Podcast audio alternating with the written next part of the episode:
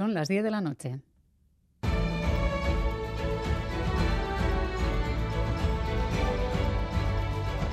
Radio Euskadi y Radio Vitoria. Servicios informativos. Repasamos los titulares de la jornada con John Fernández Mur, Gabón. Gabón, Miriam, noticias de este miércoles 22 de marzo en el que comenzamos mirando al Congreso de los Diputados. Un Congreso que ha rechazado la moción de censura impulsada por Vox con Ramón Tamames como candidato. Tamames solo ha obtenido el apoyo de los 52 diputados de la formación ultraderechista y el de un diputado ex de Ciudadanos que se pasó al grupo mixto. El Partido Popular se ha abstenido, algo que Pedro Sánchez les ha echado en cara. Con su silencio lo dice todo lo que dice es que saben y necesitan a Vox para poder gobernar. La secretaria general del Partido Popular, Cuca Gamarra, ha explicado la postura de su partido aquí en Gambara de Radio Euskadi. No, nos hemos abstenido porque nosotros tenemos eh, criterio propio y eso nos lleva, en primer lugar, a no apoyarla porque no, no, compartimos que se utilice eh, un instrumento como la moción de censura en interés eh, particular y por otro lado no hemos eh, votado en contra porque no nos íbamos a sumar a reforzar a Pedro Sánchez. Un informe del Gobierno vasco califica como ejecución extrajudicial la muerte de cuatro militantes de los comandos autónomos en Pasaya hace 39 años. Es la conclusión tras analizar autopsias, testimonios y la evidencia de una falta de resistencia por parte de las víctimas. El autor del informe, John Miren Alanda, se ha pasado esta tarde por Gambara.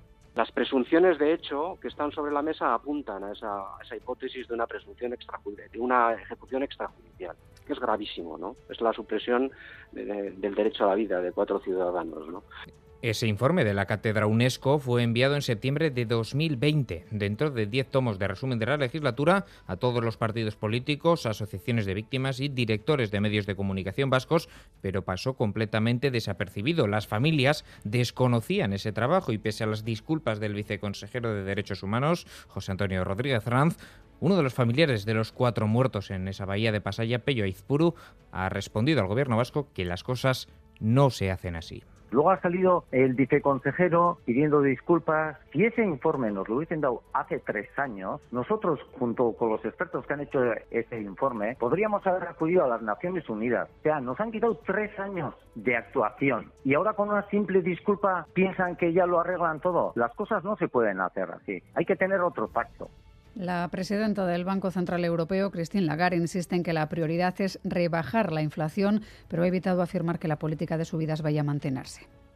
We are neither committed to raise further, nor are we finished with hiking rates. Ni tenemos un compromiso por subir los tipos de interés, ni hemos terminado de subirlos. Respuesta nada clara de Lagarde en una jornada en la que la Reserva Federal estadounidense ha subido los tipos de interés un cuarto de punto más. Se sitúa ya en la horquilla entre el 4,75 y el 5%. Según su responsable, Jerome Powell, la subida podría haber terminado ya, podría no ser adecuado elevar más los tipos, ha dicho, añadiendo, eso sí, que el objetivo sigue siendo reducir la inflación al 2%. Y la de hoy es una fecha señalada. Quedan 100 días para la salida del Tour de Francia desde Euskadi y la cuenta atrás ya está en marcha. Sí, el reloj instalado frente al Ayuntamiento de Bilbao ya cuenta los días, horas y minutos que restan para la carrera ciclista más importante del mundo parta desde la capital vizcaína. Escuchamos a Juan María Burto, alcalde de Bilbao, Bingen Zupiria, portavoz del Gobierno vasco y a Cristian Prudhomme, director del Tour de Francia.